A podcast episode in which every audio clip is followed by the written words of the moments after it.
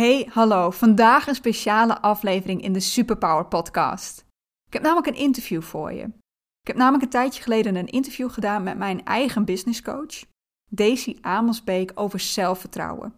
In haar coaching vindt zij mindset super belangrijk. Als jouw mindset niet goed is, zegt ze, kun je niet groeien. Dus voor mij was zij de perfecte persoon om hiervoor te interviewen. Uh, dit was voor mijn magazine, uh, die, waar ik op dit moment mee bezig ben, of als je dit veel later hoort, die ik ondertussen heb uitgebracht. Maar het interview was zo goed dat ik hem niet alleen voor het magazine wilde hebben. En ik, gelukkig kreeg ik de toestemming om hem ook op deze manier met jou te delen. Sowieso, we hebben, weet je, ze vertelt hier zoveel dat ik dat niet allemaal in het magazine kwijt kon. Dus ook als je het magazine al hebt gelezen, als je dit interview al kent, luister ook hiernaar, want ze vertelt hier nog zoveel meer. Dit is wel de eerste keer dat ik een interview heb gedaan op deze manier, waar het ook echt heb opgenomen en ook echt met de intentie van, goh, voor de podcast. Ehm, dus ja, je gaat denk ik wel merken dat ik er in het begin nog een beetje in moet komen. Maar ja, een van de boodschappen van het interview is ook: je krijgt zelfvertrouwen door het te doen. Het gaat er niet om dat je van tevoren zelfvertrouwen moet hebben voordat je iets kunt gaan doen, maar dat je het krijgt door in actie te komen. Dus dat is wat ik hier heb gedaan. Ik heb het gewoon gedaan. En ja, hoe vaker ik dit ga doen, hoe beter ik erin ga worden, toch? Dus bij deze mijn interview met Daisy Amelsbeek over zelfvertrouwen. Wat is het volgens haar? Hoe is zij hier zelf ingegroeid? En wat is volgens haar onmisbaar als je je zelfvertrouwen wilt, wilt laten groeien? Enjoy! Welkom bij de Superpower Podcast. De podcast over helemaal jezelf zijn en jouw mooiste leven creëren. Mijn naam is Anneke Procé. Hier deel ik met jou mijn kennis over ontdekken wie jij diep van binnen bent en hoe jij wil dat jouw leven eruit ziet. Over houden van jezelf en zelfvertrouwen. Omdat ik geloof dat jij 100% jezelf mag en hoort te zijn. Het waard bent om zelf te bepalen hoe jij jouw leven wilt leven. En dat je alles in je hebt om dat leven waar te maken. Dus, ben jij er klaar voor om helemaal jezelf te zijn en te kiezen voor dat leven dat jij wil leven? Luister dan vooral mee.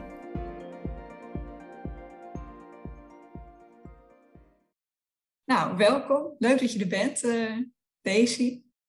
Um, voordat we beginnen, ik zou je heel iets, zou je iets over jezelf willen vertellen. Wie ben je? Wat doe je? Ja, tuurlijk. Um, nou, mijn naam is Daisy Amelsbeek.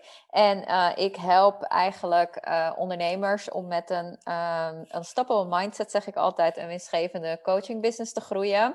En wat ik daarmee bedoel te zeggen is dat ik uh, weet hoe belangrijk het is als je een hele goede mindset voor jezelf creëert. Zo eentje waarbij je je on top of the world voelt en denkt van weet je, ik kan wat ik doe, dat kan ik ook en dat ga ik ook doen en dat ga ik ook mm -hmm. neerzetten. Um, ik geloof erin dat je dan pas, als je dan de strategie gaat toepassen, als je dan alles gaat implementeren wat je nodig hebt om een business te laten groeien, dat het dan ook pas gaat groeien. Dus dat um, gebruik ik eigenlijk in beide aspecten om een business te laten groeien, zowel je mindset als um, goede strategieën, simpele strategieën om je business te laten groeien.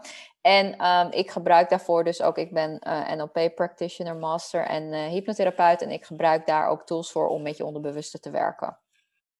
Ja, nou, zoals je weet, dit interview dat gaat over zelfvertrouwen. En dan kan ik me voorstellen dat daarin zelfvertrouwen ook een hele grote rol speelt. Ja, klopt inderdaad. Wanneer ik eigenlijk mijn uh, klanten vraag um, of mijn uh, mensen vraag uh, die met mij samen willen werken, wat de reden is, um, wat ze nu op dit moment tegenhoudt, dan is dat vaak wel terug te brengen naar ik ben niet goed genoeg. Dus dat ze ergens voelen dat ze niet goed genoeg zijn, um, dat ze dat niet kunnen doen wat ze willen, noem het maar wat op. Dat is eigenlijk overal terug te reflecteren naar wat het is ook dat ze zeggen. Dus ik hoor het heel vaak voorbij komen als we het over zelfvertrouwen hebben, dat dat iets is wat ondernemers ook heel vaak in de weg staat om hun business ook te laten groeien. Dat stukje zelfvertrouwen in zichzelf.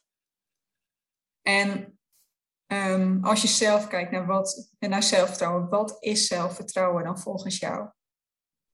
Als ik het voor mij zou moeten beantwoorden, ik weet natuurlijk niet hoe iemand anders zegt, maar als ik het zelf zou moeten beantwoorden, dan is dat um, zoals ik hem zelf voel, um, het geloof dat alles um, goed is. En dan zeg ik niet goed komt of goed wordt of weet ik veel, maar dat alles goed is. Dus ehm, dan dan, creëer, dan heb je wat mij betreft uh, zelfvertrouwen, omdat je dan weet um, dat in de basis wat je ook doet, wat er ook gebeurt, wat er ook plaatsvindt in jezelf of om je heen, of wat mensen je terug gaan geven, dat je altijd terug kunt keren naar het is al goed uh, en vanaf hier uh, kan ik weer verder werken, kan ik weer stappen zetten, noem het maar wat op. Dus het is ook niet zoiets um, dat je denkt van hè, iets ik voel me nu zo vol zelfvertrouwen dat niks mij raakt meer of zo. Ik hmm. geloof dat er altijd dingen kunnen zijn in je leven die je kunnen raken die je op bepaalde manieren kunt voelen. Het is alleen altijd aan jou van hoe maak ik dan de keuze daarop? Wat doe ik daar dan mee? En ik denk dat als je dus dat zelfvertrouwen ervaart waarin je weet het is al goed, dat je vanuit meer een uh, pad vanuit liefde de keuze kunt gaan maken in plaats vanuit angst, omdat je denkt dat je iets zou moeten doen of iets niet kan of um,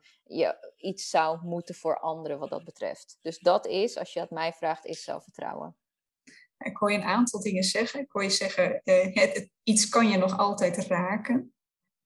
Wat versta je dan onder wat, wat je zou kunnen raken? Is dat een gevoel van onzekerheid? Is het iets anders wat je nou, het heeft vooral te maken met um, wat er natuurlijk op je afkomt, de buitenwereld. Dus um, stel dat uh, iemand iets tegen jou zegt, um, dan, dan zou je dat nog best wel kunnen raken. Als in, het is namelijk niet zo bij zelfvertrouwen dat je dan denkt van, oh, nou, weet je wel, uh, iemand zegt tegen jou van, hé, wat zit je haar bijvoorbeeld vreemd? Ik noem het maar iets. Dan is het niet zo omdat je zelfvertrouwt dat je denkt, ja, uh, nee, ik weet, ik weet uh, dat is voor mij zelfvertrouwen niet van ja, nee, zoek het uit, mijn haar zit wel geweldig of zo. Nee, ik denk dat je dat zou kunnen voelen als het je bijvoorbeeld kan raken. Zou je dat kunnen mhm. voelen? Alleen zeg je van, hè, ik weet um, dat dat niet mijn realiteit is en ik kies ervoor om iets anders te kiezen. En dat kan met heel veel dingen wat dat betreft zijn. Dus um, het is niet zo dat je dan helemaal los staat van alles en vol zelfvertrouwen, maar 100% van jezelf verzekerd bent. Het gaat er juist om dat je kunt dealen met het proces wat daaraan voor, vooraf gaat en daarop je keuzes kunt baseren die bij jou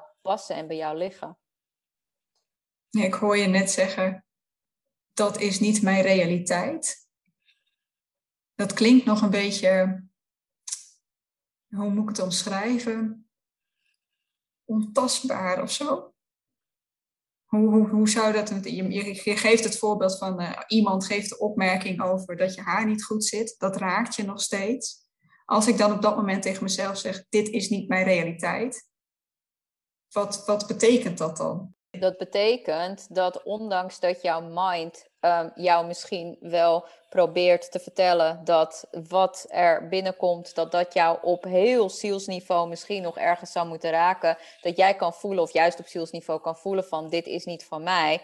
Uh, en ik heb hier iets anders in te kiezen. Dus je creëert daarmee eigenlijk altijd je realiteit. Dus het per definitie wat er op je afkomt, de manier hoe jij ermee omgaat, dat is um, hoe jij uh, het ook ziet en hoe jij het ook zal gaan zien. En zo creëer je dus daarmee je eigen realiteit. Dus er kunnen twee dingen op je, of er kan één ding op je afkomen en we reageren allemaal anders. Maar wanneer je voor jezelf weet en kiest vanuit vertrouwen, zelfvertrouwen, liefde, noem het maar wat op, um, dat dat niet bij jou past en niet bij jou hoort, dan zul je ook dat pad kiezen.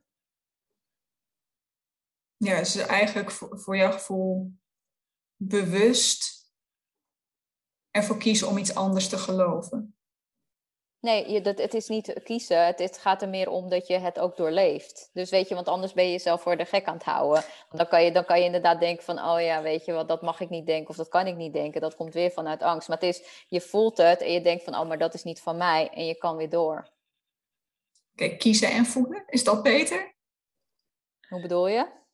Um, nee, wat ik wel hoor is dat je voor mijn gevoel zit er wel een soort van keuze in. Dat je er bewust van moet worden, oké, eh, dit is de gedachte die nu bij mij opkomt. Iets over dat ik het verschrikkelijk vind, dat iemand anders het verschrikkelijk vindt dat mijn haar niet goed zit.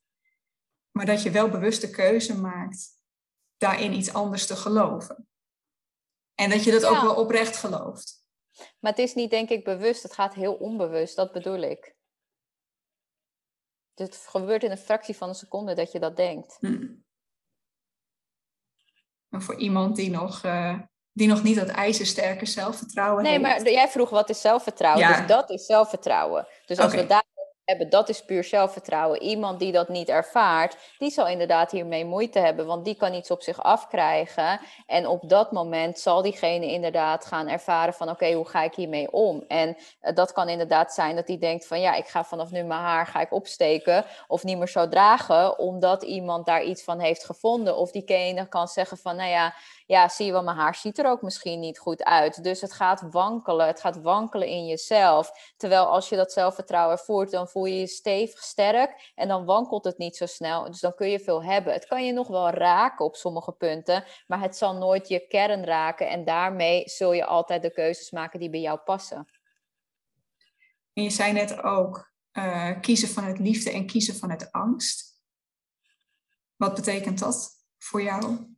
Voor mij betekent dat dat je um, gaat kijken naar um, als ik een, een bepaalde keuze maak, um, kies ik dan vanuit de liefde voor mezelf, voor het geheel, voor noem het maar wat op. Of uh, maak ik die keuze afhankelijk van de angst en onzekerheden die ik op dat moment voel? Um, om, je, om, je een voorbeeld te geven, wat ik wel eens bij mijn klanten bijvoorbeeld zie, is dat als het niet snel genoeg gaat um, in de acties en in de, in de uh, resultaten die ze zien, het eerste wat ze tegen mij gaan zeggen is: wat kunnen we nog meer doen? Het is echt letterlijk het eerste wat mijn klanten tegen me zeggen: wat kunnen we nog meer doen? En dan stel ik een vraag: wil je meer doen? Dat is mijn eerste vraag. En dan hoor je ze zeggen van, um, ja, eigenlijk niet, maar ik zie nog niet de resultaten, dus ik moet meer doen, zeg maar. Terwijl mijn vraag is dan, is dat dan een keuze vanuit liefde, die je maakt omdat je zo, zo vertrouwt op het proces, op jezelf en alles wat er komen gaat? Of is dat vanuit angst, omdat je bang bent dat als je het niet doet, als je niet de stappen neemt, dat het dan niet uh, voor jou is weggelegd, zeg maar. Dus dat is een beetje het verschil en dat is wat je voor jezelf heel erg moet gaan voelen. Omdat als je te veel keuzes vanuit angst gaat maken, dan drijf je steeds verder en verder en verder bij jezelf weg wat dat betreft. Ja, wel super herkenbaar. Ja, voor de luisteraars, ik ben, ik ben ook een klant van jou. En ik vind ook niet dat het altijd snel genoeg gaat. En het is inderdaad dan heel makkelijk om te vragen: Goh, wat kunnen we anders doen? Wat kunnen we meer doen? Um, vanuit de gedachte: gaat er iets verkeerd? Doe ik iets verkeerd? Ja, precies. En dat is dus vanuit angst. Dus dan ben jij niet compleet. Je maakt een keuze vanuit, uh, ja, ik zeg altijd not wholeness. Dus niet, geen compleetheid. Omdat als je wel compleet was en wel het vertrouwen en zelfvertrouwen voelde, dan had je dat niet eens gedacht. Want dan had je gedacht, ik weet dat het eraan komt en wat ik nu doe, dat is goed. En als je dan de keuze maakt om te zeggen, en ik vind het leuk om nog meer te gaan doen, dan hebben we natuurlijk een heel ander gesprek ja, herkenbaar. En uh, ik weet dat dat ook eentje is waar ik nog wel het een en ander heb te leren. nou, geloof me, dat is voor heel veel mensen herkenbaar wat dat betreft hoor. En het is ook zo gedaan, die keuze. Want we zijn zo vanuit de maatschappij, uh, uh, is ons um, uh, ja, is ons geleerd, zeg maar, hoe wij uh, zouden moeten zijn of hoe wij dingen moeten doen of weet je, dat soort dingen. Dat we dat allemaal meedragen en ook meenemen in de beslissingen die we maken. Dus vanuit de maatschappij wordt inderdaad gewoon heel vaak ook gezegd van hè, hard werken en dan bereik je veel. Dus het eerste wat je dan denkt is als het niet lukt, denk je, oh, ik moet nog harder, want ik doe het nog niet goed genoeg. Dat is wat je eh, opgedragen krijgt. Het is net als uh, wat misschien ook jouw doelgroep heel erg herkent van um, ik moet anders zijn, want anders pas ik niet binnen in deze, uh, de, de, de, de mensen die. Um, uh, die, die allemaal extravert zijn en noem het maar wat op, weet je wel. Of pas ik niet binnen in deze maatschappij. Dus wat gaan ze dan doen? Dan gaan ze juist heel erg um, uh, dingen doen die tegen hun eigen gevoel ingaan. Nou, en dan ben je inderdaad veel meer bezig met dat gevoel van angst en onzekerheid ja. dan gevoel van liefde. En, um, maar dat, dat is voor heel veel mensen is dat ook heel moeilijk, want we hebben niet geleerd om alleen maar puur zang te luisteren naar ons, maar altijd zeg maar te kijken wat gebeurt er daar en daar onze keuzes op te baseren. Ja, ja terwijl ik inderdaad heel veel bij mijn klanten hoor. Ik zou heel graag mezelf willen zijn. Ik zou heel graag mijn eigen pad willen volgen. Maar het toch niet durven. Nee, klopt inderdaad. Ja. En dat komt inderdaad doordat we zo zijn, um, ja, ons zo in ons, in ons DNA zit om vanuit die angst ook. Zelfs toen we, van, toen we klein waren, kreeg, weet je, dan zeiden die ouders tegen je van ja, niet doen, weet je wel. Weet je, hoe vaak heb je dat te horen gekregen toen je klein was? Niet doen. En je ouders bedoelen het van liefde, hè, dat je niet van de schommel afvalt of ergens afkukelt of zo, weet je wel, dat soort dingen. Ja. Maar doordat dachten we inderdaad, oh, dus dat mogen we niet doen. Wat mogen we dan nog meer niet doen? En zo gingen we steeds, zeg maar, verder. En gingen we steeds meer op de buitenkant focussen in plaats van, ja, maar wat wil ik doen? Dus ons is dat ook heel erg snel afgeleerd om inderdaad te doen wat we willen. En daardoor is het ook heel beangstigend en eng om dan te kiezen Ehm, als we voelen dat we voor onszelf willen kiezen om dat te doen. Want er wordt iets heel anders op dat punt van ons gevraagd. Ja, en ik hoor je nu terug naar, naar de kindertijd. Hoe was dat voor jou? Jij voor je gevoel altijd heel veel zelfvertrouwen gehad? ik heb je nog niet eens de vraag gesteld of je heel veel zelfvertrouwen hebt. Maar... nee, ja, welke wil je eerst beantwoord hebben? nou, ik ben eerst benieuwd, hoe was het voor jou? Ehm, nee, ik heb het zeker niet gehad. Ehm, want ehm, toen, ik, uh, toen ik jong was, ik ben op mijn vijfde ben ik uh, van Colombia naar Nederland gekomen. En toen kwam ik in een school terecht waarin ik een, met nog iemand anders donkere mensen waren, zeg maar. Dus, mm en, en, en ik kon toen ook geen Nederlands goed nog. Dus ik heb echt, ik heb het heel snel geleerd hoor. Ik heb in zes, zeven weken of zo heb ik gewoon Nederlands geleerd. Maar ik kon toen Zo. kon, ja, ik ben een taalknobbel wat dat betreft. maar ik kon, uh, ik kon alleen maar uh, Spaans spreken. Dus ik miste en de connectie dus met kinderen, omdat ik gewoon geen Nederlands goed kon spreken. En ik miste de connectie omdat ik natuurlijk um, vanuit uh, een ander land kwam, zeg maar. En niet hier was opge opgegroeid. Dus voor mij was dat best wel moeilijk op dat moment. Omdat ik um, ja, me toen in een omgeving bevond dat ik dacht van ja, maar ik hoor ik hier wat thuis en is dit het wel, noem het maar wat op. En um, daardoor ben ik heel stil geworden. Althans, dat denk ik zelf, want ik was vroeger heel stil en heel verlegen. Um, en toen ik, nou ja, en omdat ik zo stil en verlegen was, was ik ook een heel makkelijk doelwit uiteindelijk voor mensen om natuurlijk uh, to make fun of, zeg maar. Dus om, om te pesten. Ik ben ook uiteindelijk ben ik gepest. Um, dat was toen ik, kijken, toen ik volgens mij 7, 8, 9 was. Uh, 7, 8 en 9. Dus ik ben heel wat jaren ook echt achter elkaar gepest. En dat doet natuurlijk wel wat met jezelf um, en je zelfvertrouwen. Want als je iedere dag hoort van dat, je, uh, dat dit niet goed is en dat je er niet uitziet en weet je, dat soort dingen, dan ga je het uiteindelijk ga je het ook zelf geloven. Want als zij het allemaal zeggen, dan zal het wel waar zijn. Um, dus um, daardoor heeft mijn zelfvertrouwen en het vertrouwen ook in mijzelf heeft een hele grote deuk opgelopen. Waar ik echt pas jaren later ook echt mee pas aan de slag heb kunnen gaan om dat te verbeteren en te ontwikkelen. En jaren later, over hoeveel jaar hebben we het dan? Um, nou, er kwam een punt bij mij, en vraag me niet waarom, maar geen idee. Maar er kwam ergens een punt bij mij, dat was toen ik uh, um, volgens mij elf was of zo, dat ik dacht, ik ben er nu helemaal klaar mee. Uh, en toen had, heb ik besloten van de een op andere dag voordat, voordat de school begon, dat ik dacht van weet je, ik ga nu naar school toe en ik ga nu um, um, voor mezelf opkomen. Weet je, ik was er helemaal klaar mee. Ik ga nu voor mezelf opkomen. En op het moment dat ik dat deed, uh, dat ik dus voor mezelf opkwam, toen opeens ging iedereen naar achter. Ik had nog steeds geen vrienden hoor. Niet, weet je, dat nog steeds niet. Maar iedereen uh, dacht, oké, weet je, wat is er met haar gebeurd? Dus iedereen ging eigenlijk als het ware een beetje naar achter. En ik werd daar een beetje niet meer gepest wat dat betreft. En ik dacht, oké, dit werkt dus kennelijk. um, als ik dus zo doe. Dat was helemaal niet wie ik was, zeg maar. Maar oké, okay, dit werkt kennelijk dus. Dus ik ga zo ook op de middelbare school, zeg maar, zijn. Dus toen ik naar de middelbare school ging, toen was ik, zeg maar, degene die um, heel brutaal was en heel. Um, uh, weet je, um, altijd baas boven baas was, weet je wel, dat soort dingen. Want ik had ergens in mezelf, nooit meer gaat me dit gebeuren. Dus ik ga een soort van muur opzetten. En daarmee ga ik zo, zeg maar, laten zien dat niemand er als het ware doorheen kan komen. En heel erg hard wat dat betreft. En dat heb ik uh, ongeveer uh, vier, vijf jaar volgehouden. Ja, het, het klinkt um, nog steeds als een overlevingsstrategie. Ja, klopt. Klopt inderdaad. Maar um, daarom zeg ik, dit is gewoon het proces aan zich. Ja. En dat heb ik dus vier, vijf jaar volgehouden. Totdat ik ergens op een, op, op een punt kwam dat ik uh, inderdaad gewoon ook dit niet meer vol kon houden. En dit niet was wie ik was, zeg maar.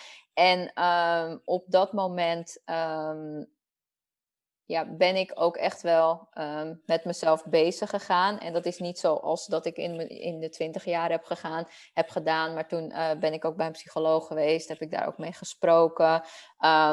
En, en heb ik daar wel een paar kleine doorbraken in gehad, zij het, dat ik gewoon mezelf veel beter kon neerzetten en ook veel meer vanuit mezelf kon neerzetten. En daardoor merkte ik ook dat toen ik dat ging doen, dat ik ook veel positievere reacties kreeg op mensen die zeiden van... hé, hey, maar je bent helemaal niet stil, je bent helemaal niet uh, um, rustig. Je bent juist uh, heel spontaan en heel vrolijk. En je, je maakt jezelf te klein, zeg maar. Of zei het nou of ik rustig of onzeker of wat dan ook was. Maar je maakt jezelf gewoon te klein, zeg maar. Dat kreeg ik ja. heel erg te horen vaak. En dat gaf mij heel erg een soort van inzicht van... oké, okay, maar als ik dit nu al doe, wat kan, wat kan ik dan nog doen... om mezelf dus verder te groeien en te ontwikkelen? En ik denk pas dat op het moment dat het uitging met me ex, en dat, toen was ik alweer in de twintig, dat ik toen dacht van ja, maar dit kan zo niet langer wat ik nu doe, want als ik zo nog langer doorga dan, want dat kwam echt, wij gingen echt uit elkaar omdat mm. ik super onzeker was. Okay. Um, um, toen dacht ik van ja, dit kan niet langer en als ik dit gewoon langer vol blijf houden, dan zal nooit iets in mijn leven op die manier goed gaan.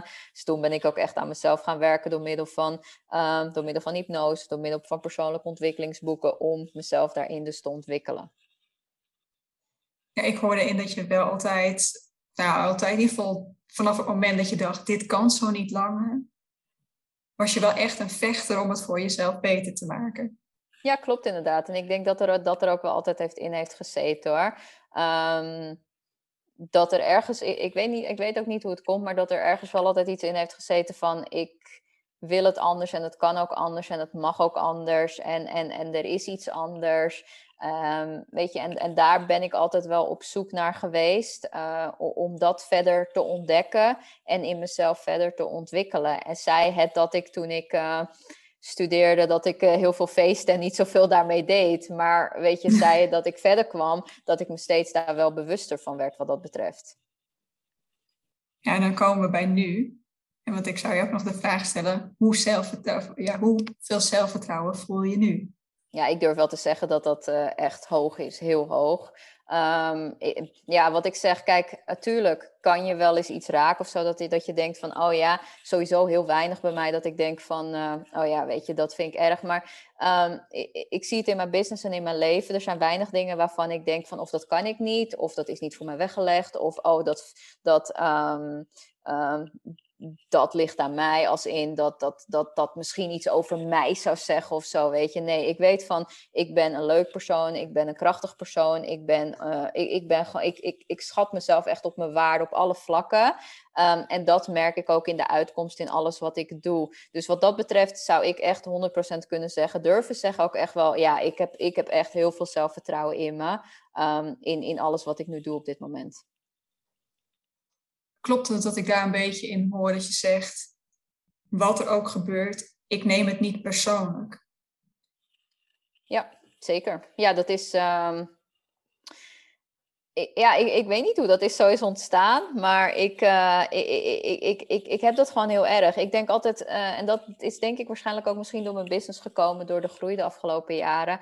Maar ik, ik kan heel erg dingen vanuit een perspectief zien van oké, wat gebeurt er hier? Wat is het proces? Wat vindt er plaats? En wat is mijn aandeel hierin? En hoe kan ik hier weer door groeien? Dus ik plaats hmm. me eigenlijk zelf nooit meer in een soort van slachtofferachtige rol waarin ik denk, oh, waarom overkomt mij dit? En uh, waarom gebeurt dit, zeg maar? Sowieso is per definitie de waarom-vraag is een verschrikkelijke vraag als je je in die, in die uh, context gaat stellen. Waarom gebeurt dit en waarom gebeurt dit voor mij? en waarom kan ik dat niet? En weet je, dat soort vragen, dat, dat gaat je sowieso niet helpen, want je gaat het antwoord niet vinden, want het, de vraag is per definitie al niet goed.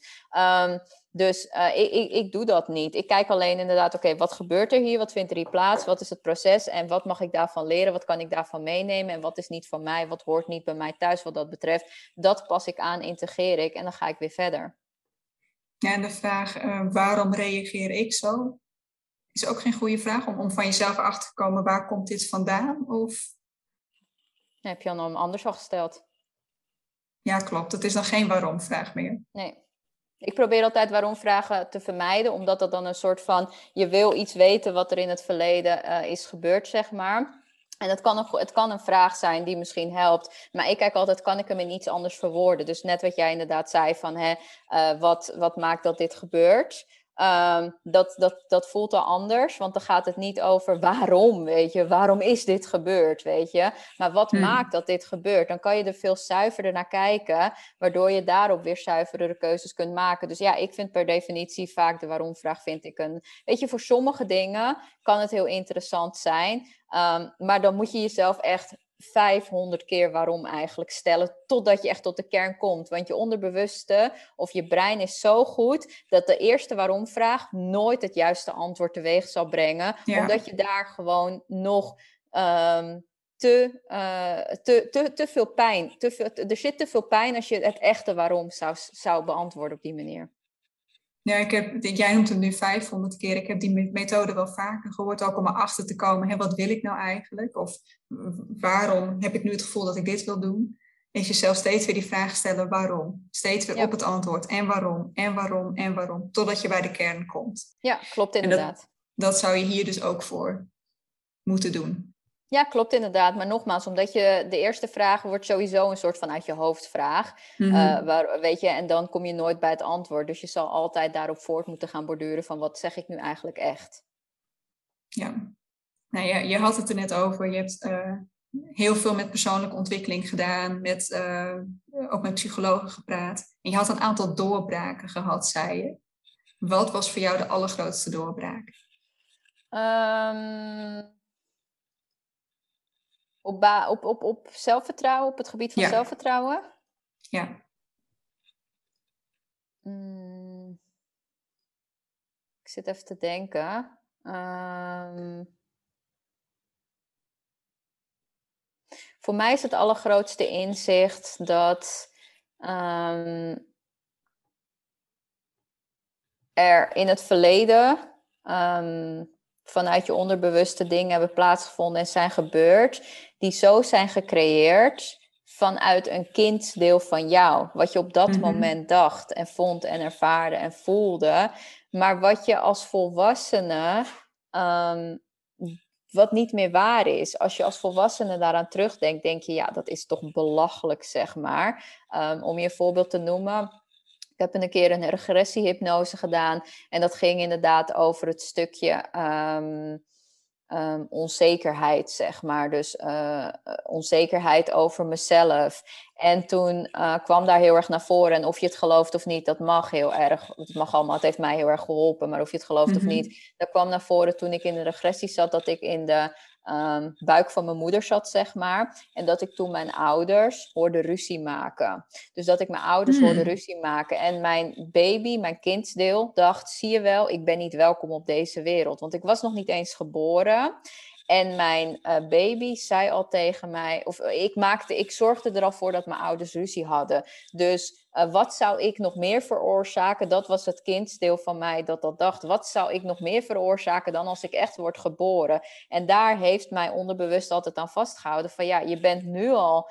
Um, nu al ben je eigenlijk uh, ben je de veroorzaker van alles. Wat als je inderdaad wordt geboren? En dat maakte mij heel erg onzeker dus. Waardoor ik dus mezelf niet durfde te laten zien op, dat, op, die, op die manier. Omdat ik dacht, ja, ik wil niet nog meer problemen veroorzaken wat dat betreft. Dus, en als je dan als volwassene eraan terugdenkt, denk je...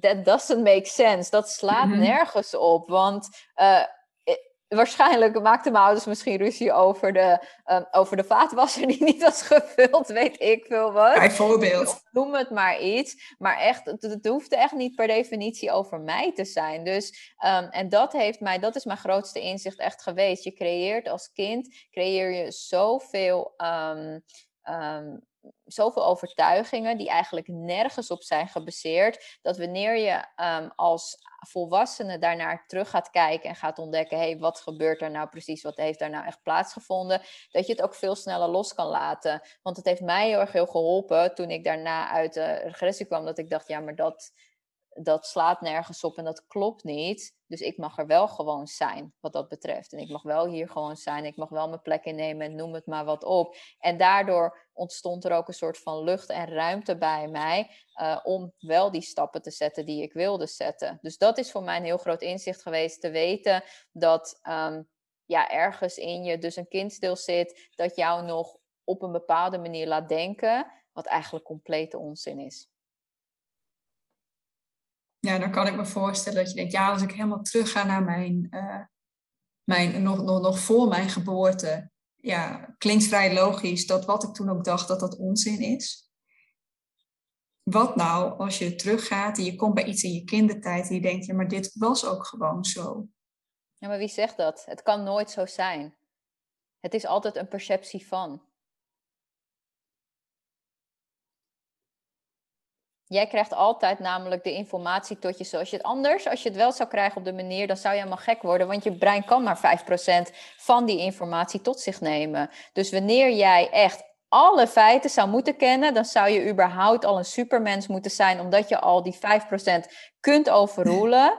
En daaruit kan jij dan pas echt iets, een, een soort van iets baseren, wat misschien de waarheid zou kunnen zijn wat dat betreft. Um, ik zeg, eh, eh, het wordt ook altijd gezegd, everything you tell yourself is a made-up story in your head. En dat is ook zo. Alles wat jij jezelf vertelt, of je nu vijf was, of drie, of één, of acht, of noem het maar wat op, is allemaal een zelfverzonnen verhaal wat jij hebt gecreëerd vanuit je eigen perceptie. En het kan heel waar voelen, maar wanneer je waarschijnlijk als volwassene erover na gaat denken, denk je, ja, maar die verbanden die ik met elkaar heb gelegd, dat klopt niet. Mijn ouders hmm. hebben wel ruzie misschien gehad, maar ik heb de verbanden gelegd dat dat door mij kwam. En dat doet niks aan van het feit dat mijn ouders misschien echt ruzie hadden, maar dat hoeft niet over mij te gaan. En dat maakt mij vrij van die overtuiging dat het ook door mij kwam, dus ik ben niet goed genoeg of ik veroorzaak problemen. Ja, nou, ik, ik denk heel eventjes aan, aan, aan de mensen met wie ik veel werk. Heel veel zijn gepest ik snap dat dat, dat dat ook een perceptie is van wat er is gebeurd. Maar ik denk dat doordat ze zich dat zo bewust hebben meegemaakt, en ik herken dat zelf ook, dat je wel gaat denken, ja, maar dit was toch zo, dit is toch hoe ik het heb meegemaakt, dit was toch de waarheid. Hmm, klopt, maar wat je eraan vasthangt, dat is wat je tegenhoudt. Niet de situatie aan zich, hmm. maar je gedachten, je gevoelens, je emoties die je erover hebt, dat, dat is wat je tegenhoudt, niet de situatie. Want de situatie is de situatie. In, in die end, wat er echt gebeurt bij pesten, even zwart op wit, wat er echt gebeurt is, iemand zegt iets tegen een ander. Ja, dat is het in de basis. Precies. Klopt. Maar op het moment dat wij onze emoties, gevoelens en gedachten eromheen gaan doen, dan krijgen we iemand zegt iets naars. Want naar is al per definitie een invulling. Want wat is naar? Wat jij naar vindt, vind ik niet naar. En wat ik naar vind, vindt iemand anders weer niet naar. Of wel naar, snap je? Dus dat mhm. is al per definitie een invulling. Dus pesten is in de, in de basis is pesten alleen maar iemand zegt iets tegen iemand of iemand doet iemand naar iemand. En, en iemand kan iemand een set geven of zo, weet ik veel wat. Ik noem maar iets. En wat jij er dan van vindt, dat is hoe het wordt gevormd. Het kan namelijk ook zo zijn dat jij bij die set denkt: hé, hey, maar ho even, jij gaat mij geen set geven, ik geef jou gewoon een kei, keiharde klap terug. Mhm. Noem je het dan nog steeds pesten? Waarschijnlijk niet. Dan zit het in een hele andere context. Maar hoe jij het ontvangt, is ook hoe je uiteindelijk ehm, wat er uiteindelijk gaat ontstaan en wat er gaat vormen. Dus ja, nee, het klopt waarschijnlijk wel wat de situatie was, maar alles wat jij eroverheen hebt gegooid, dat is wat jij nu waarschijnlijk tegenhoudt. Ook de invulling over waarom het tegen je wordt gezegd. Precies, 100%. Tuurlijk, tuurlijk. Want ik dacht vroeger inderdaad ook altijd, zie je wel, um, niemand vindt me aardig en uh, weet je, ik ben niet leuk genoeg en dat soort dingen. Waarom? Waarom? Wie zegt, wie, zegt, wie zegt dat dat zo is inderdaad? Wie zegt dat dat het geval is? Niemand zegt dat eigenlijk. Jij creëert dat voor jezelf omdat je wordt geraakt in iets wat jou kan raken. Ik vond het ook altijd wel mooi. Ik heb bij, uh, dat is me altijd bijgebleven bij een training, dat iemand tegen me, dat iemand zei van iets kan je alleen maar raken als je het als zelf voelt en ervaart. En ik geloof dat ook echt, want als ik tegen jou zou zeggen, ik vind jou, uh, gaan we weer even op haar, ik vind jouw blauwe haar vet lelijk, dan kijk jij me alleen maar aan en denk je, huh?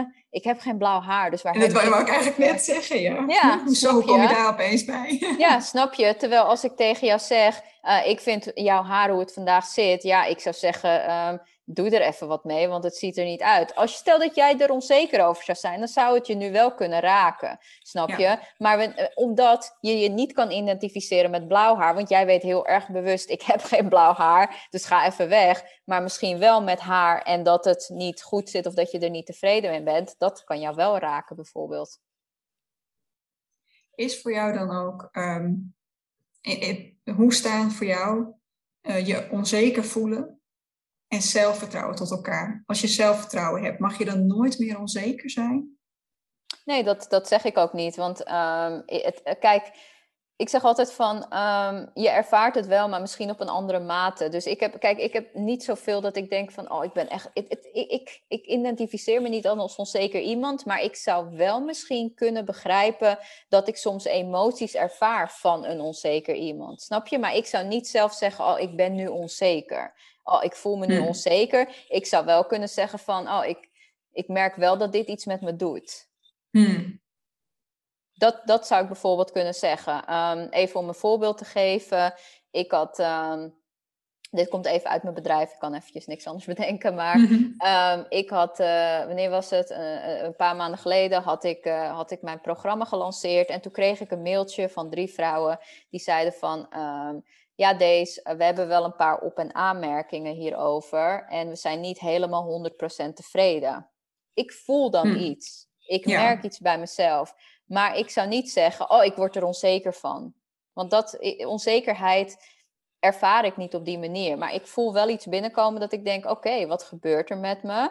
Uh, oh, spannend. En omdat ik het snel weet om te buigen, kan ik denken: oké, wat kan ik doen? Volgende mijn vraag: wat kan ik doen om ervoor te zorgen dat ik dit gevoel uh, op een positieve manier of op een manier neer ga zetten die mij gaat helpen en ook de ander gaat helpen? Dus wat ik toen dacht is: oké, ik ga sowieso bij ze vragen: wat, uh, wat, wat, wat bevalt je dan niet? Wat gaat er niet goed? Wat vind je niet fijn? Noem het maar wat op, weet je, al dat soort dingen ben ik bij ze na gaan vragen.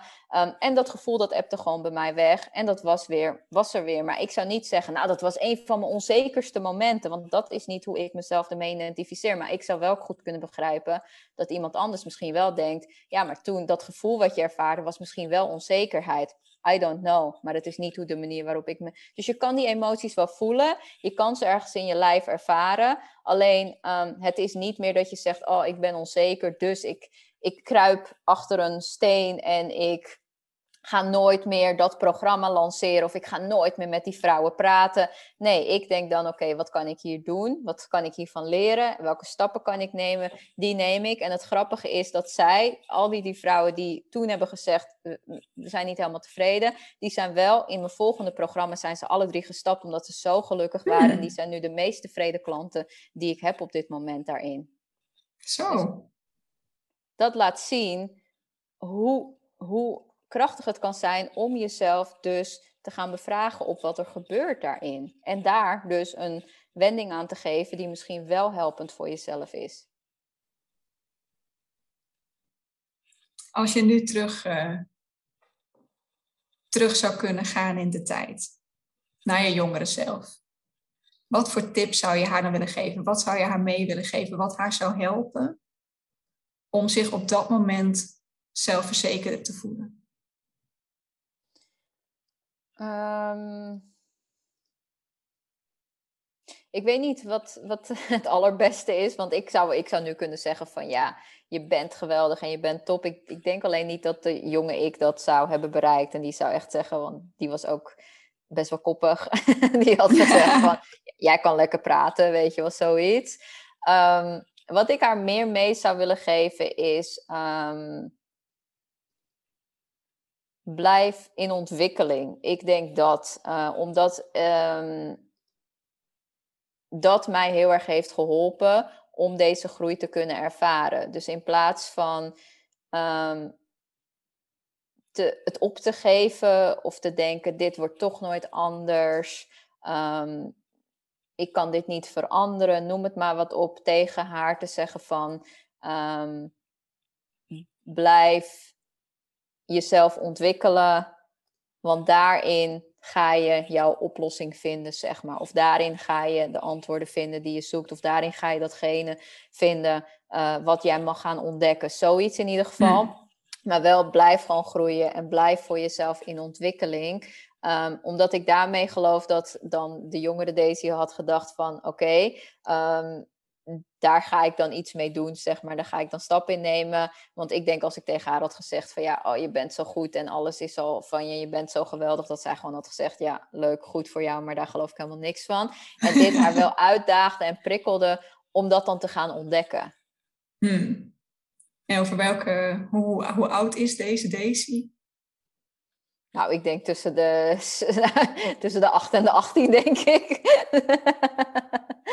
dat was Daisy die uh, heel koppig was en die uh, uh, dacht van, ja, weet je, want weet je, dat is het. Um, ik, ik hoorde, weet je, ik, ik hoorde vaak genoeg van mensen um, dat ik, dat ik leuk was en, en gezellig was. En dat, ik, dat er niks mis was met hmm. mij. En weet je, ik, ik, ik, heb ook nooit wat te klagen gehad toen ik ouder werd. Weet je, toen ik met jongens was of zo, weet je wel. Ik, was, ik had ook genoeg vriendjes en dat soort dingen. En toch bleef die onzekerheid, zeg maar, bestaan. Dus weet je, iedereen kon dat tegen me zeggen. Maar ik voelde hem nooit van binnen. En ik denk dat toen ik dus mezelf ben gaan ontwikkelen en het echt in mezelf ben gaan zoeken, dat ik hem toen ben gaan vinden. En dat ik op dat moment ook afscheid ben gaan nemen van dat ik ook van andere mensen dat hoefde te horen. Want ik hoef het nu niet te horen.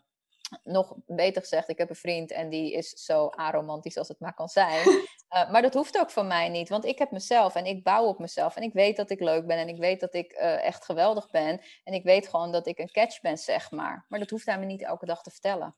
Hmm. En dit, dit doet me ook denken aan het, aan het begin van ons gesprek, toen je zei: um, het is niet zozeer een keuze die je maakt, want je moet het wel geloven. Het is eigenlijk dit ook voor mijn gevoel. Dat je zegt, ja, weet je, iemand kon mij wel vertellen dat ik leuk was, maar ik geloofde het gewoon op dat moment zelf nog niet.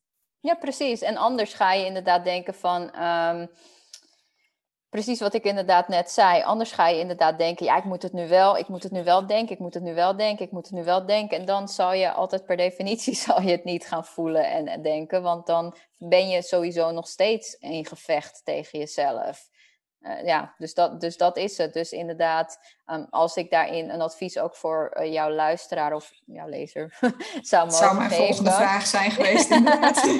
ja, dan zou ik inderdaad ook inderdaad zeggen van... Um, um, sta open voor groei en ontwikkeling en investeer daar ook in voor jezelf om, om misschien iemand te zoeken die je daarbij kan helpen of iets te doen wat jou daarin kan begeleiden om dichter bij jezelf te komen. Het zelf, stukje zelfvertrouwen, zelfliefde is een ongoing pro process. Het is een, een, ontwikkeling naar jezelf, maar je moet niet denken dat je een vijf stappenplan hebt of je moet niet denken dat je het binnen een maand hebt opgelost. Um, ik heb het ook wel eens tegen, tegen Anneke gezegd. Je bent nu zoveel jaar. Hoe kan je verwachten dat we in drie maanden al die dingen gaan oplossen wat jij in je hele jaren hebt opgebouwd? En jij bent niet de enige. Ik heb dan nog zoveel klanten verteld. Um, dus dat, dat, um, dat wil ik heel graag meegeven. Maar maak wel de eerste stap. Um, zorg dat je er ook mee uh, aan de slag gaat. Want je kan wel blijven denken, ja, uh, ik heb toch geen zelfvertrouwen, het zal altijd zo blijven. Nee, want ik ben geen uitzondering. Um, uh, iemand anders is geen uitzondering. Er zijn al zoveel mensen die dat wel hebben gevoeld en dat wel hebben ervaren. En het enige wat zij anders hebben gedaan dan jij, is dat ze wel in die groei zijn gegaan. Dat ze wel in die ontwikkeling zijn gegaan. Dat ze misschien wel op zoek naar mensen zijn gegaan. Dat ze misschien wel op zoek naar um, bepaalde manieren zijn gegaan. En nog is het, um, want ik zeg altijd, every level is a new devil. En nog is het een proces waarin je continu groeit. Kijk, um, sommige dingen zijn voor mij, daar, daar, daar, zit ik niet over in. Maar dan zou je tegen mij zeggen, ja, ik zet je morgen op een podium met... Um, 100.000 CFO's van de beste bedrijven ter wereld. En die gaan jou daarna allemaal een cijfer geven. En je moet daar met je bikini op gaan staan. ik, denk, ik denk dat ik dat niet heel relaxed zou vinden. Dat weet je wel. Ik vind dat niet heel relaxed. Dus nog daarin zit dan mijn. Als ik zou willen, als ik dat zou willen, zit mijn stukje wat ik aan zelf. Um, uh, hoe nu dat? Um, wat ik aan zelfvertrouwen zou moeten ontwikkelen. Dus het is ook een ongoing process waarin je gewoon steeds verder en verder en verder komt in datgene wat jij tegenkomt. Maar de meest basale dingen bij mij, ja, dat zit gewoon hartstikke goed. En dat draagt mij ook in alles wat ik nu doe en alles wat ik nu, de stappen die ik nu zet. Maar toch, iedere keer zet je weer een stapje verder en dan word je daar wel op getest uh, in datgene wat je doet. Dus dat wil ik echt meegeven. Um, stap alsjeblieft af van de vijf tips of om, of uh, dit is het stappenplan om, zeg maar. Mm -hmm. Maar mhm. ga echt met jezelf aan de slag. Durf jezelf aan te kijken. Investeer in jezelf, want dat is de allerbeste investering. En dan ga je daar echt 100% de vruchten van plukken. Ja, ik, ik herken wel veel van wat je zegt. Inderdaad, het is een proces waar je ehm, mee bezig blijft. Uh, toen ik jou net vroeg hoeveel zelfvertrouwen zei je, zei je van nou, ik, volgens mij heb ik gewoon een, een, echt een hele goede, sterke basis aan zelfvertrouwen. Maar jij geeft ook al aan, er zijn nog steeds punten waar ik op kan groeien. Ja. Ik heb niet ik gezegd, heb zelf, nee. Ik, alles wat ik doe is voor zelfvertrouwen. Dat heb ik niet gezegd. Ik zeg, ik, ik weet dat ik goed en krachtig ben en dat helpt mij. Maar nog heb ik mijn uitdaging op sommige vlakken. Alleen ik werk er heel snel doorheen, doordat mijn basis zo sterk is. Ja. Want wat ja. ik zei, die situatie die ik net uitlegde over die klanten die niet zo tevreden waren, bla bla bla. Weet je, dat was voor mij geen, uh, geen maanden werk en geen weken. Het was, bij mij was het, ik denk, 15 minuutjes. Waarin het moment dat ik het mailtje zag, even voelde, uh, waarin ik 10 minuten later een mail had gestuurd met: Ik wil gewoon van jullie horen, hoe kan ik dit nog beter doen? En plan maar, we plannen een sessie in. Ja, is het voor jouw gevoel dan ook een. dat het af en toe een beetje door je.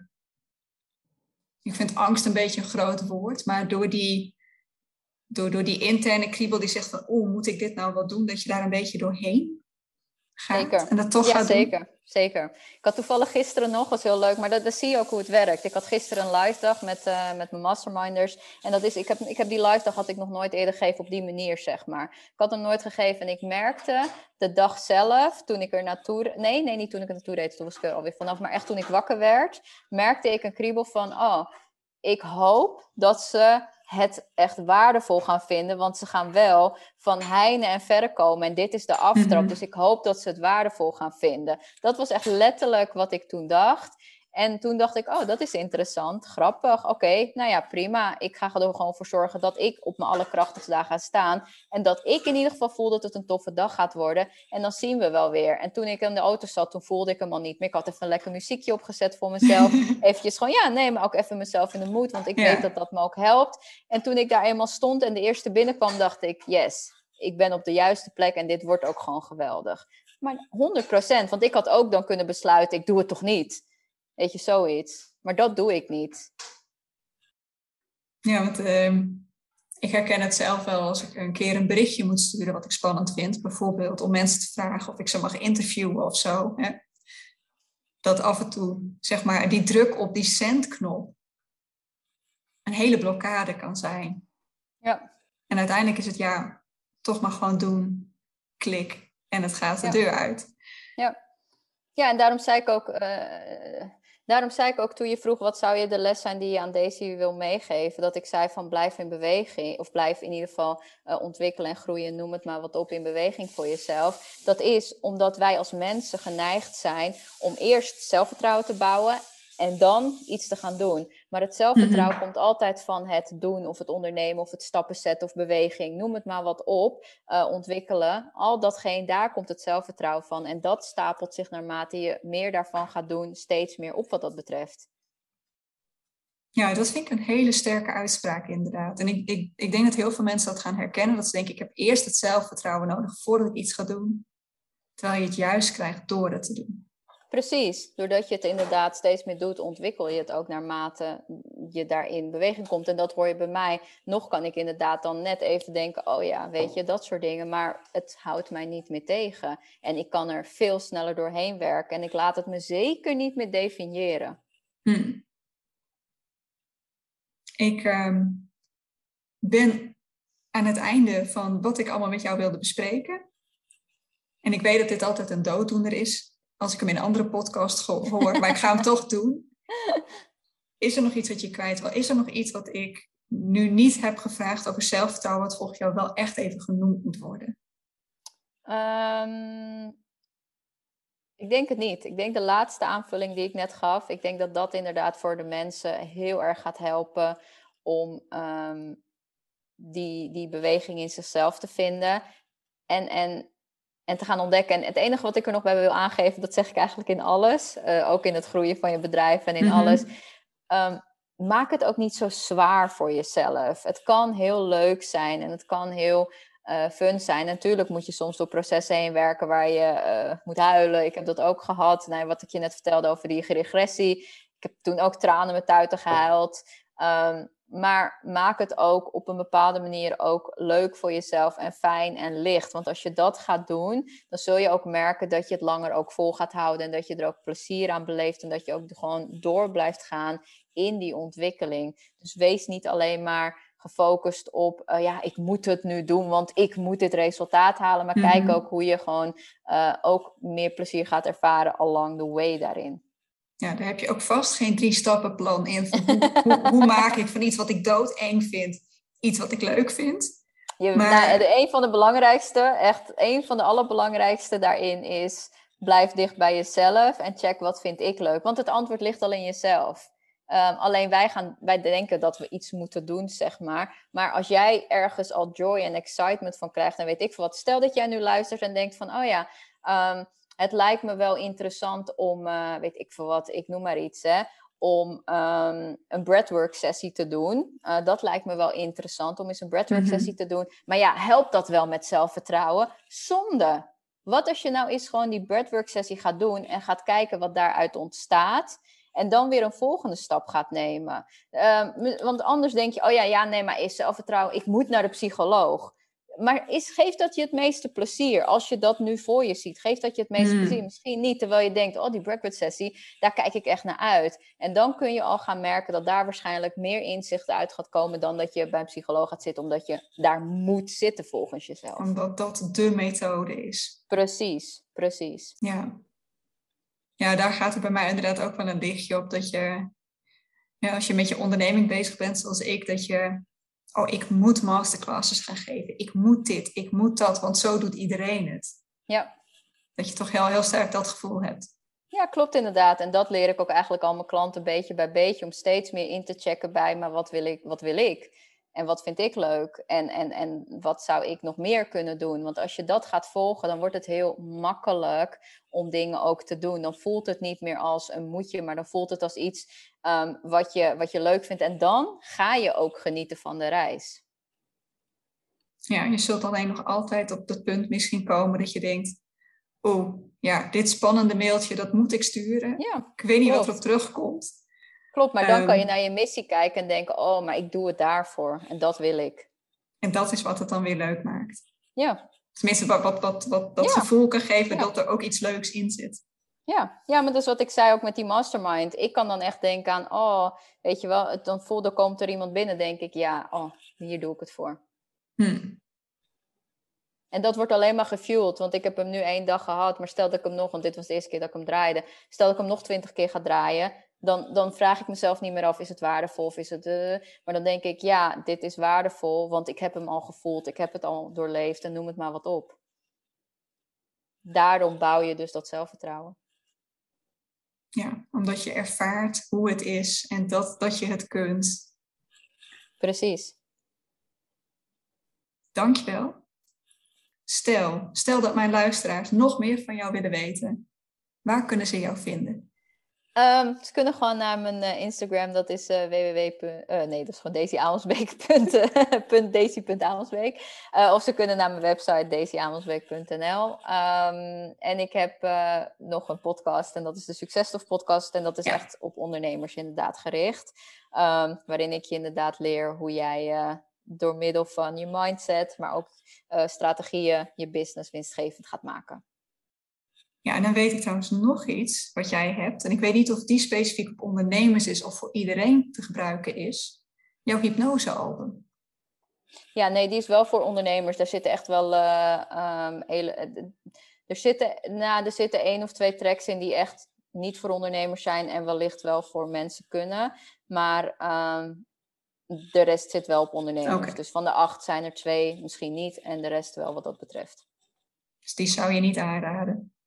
Nou ja, als je denkt van, er zit een stuk zelfvertrouwen in, hypnose over zelfvertrouwen. Ehm, dus als je denkt van, ja, dat, eh, dat lijkt me interessant, dan is het zeker het geld waard. Want geloof me, als je dit gaat doen, dan kun je al Ja. enorm groeien en dan kun je daarin de volgende stappen zetten. Dus dat is 100%. Maar dan, ik zou niet zeggen, je hebt aan alle acht de nummers, heb je wat wat dat betreft. Hm. Oké. En ook die kunnen ze op je website vinden. Ja, zeker. Kan je gewoon Yes. eh, vinden. Nou, ik ga al jouw informatie ga ik ook in de show notes opnemen. Dan hoef ze alleen nog maar te klikken. ik wil zeggen, mensen vinden mijn naam meestal heel moeilijk. En ik ga het ook niet spellen, want anders dan, dan komt het niet goed. Dus uh, ja, check gewoon de show notes. Wat dat yes, komt helemaal goed. Dan wil ik jou heel erg bedanken voor je tijd uh, die je voor had.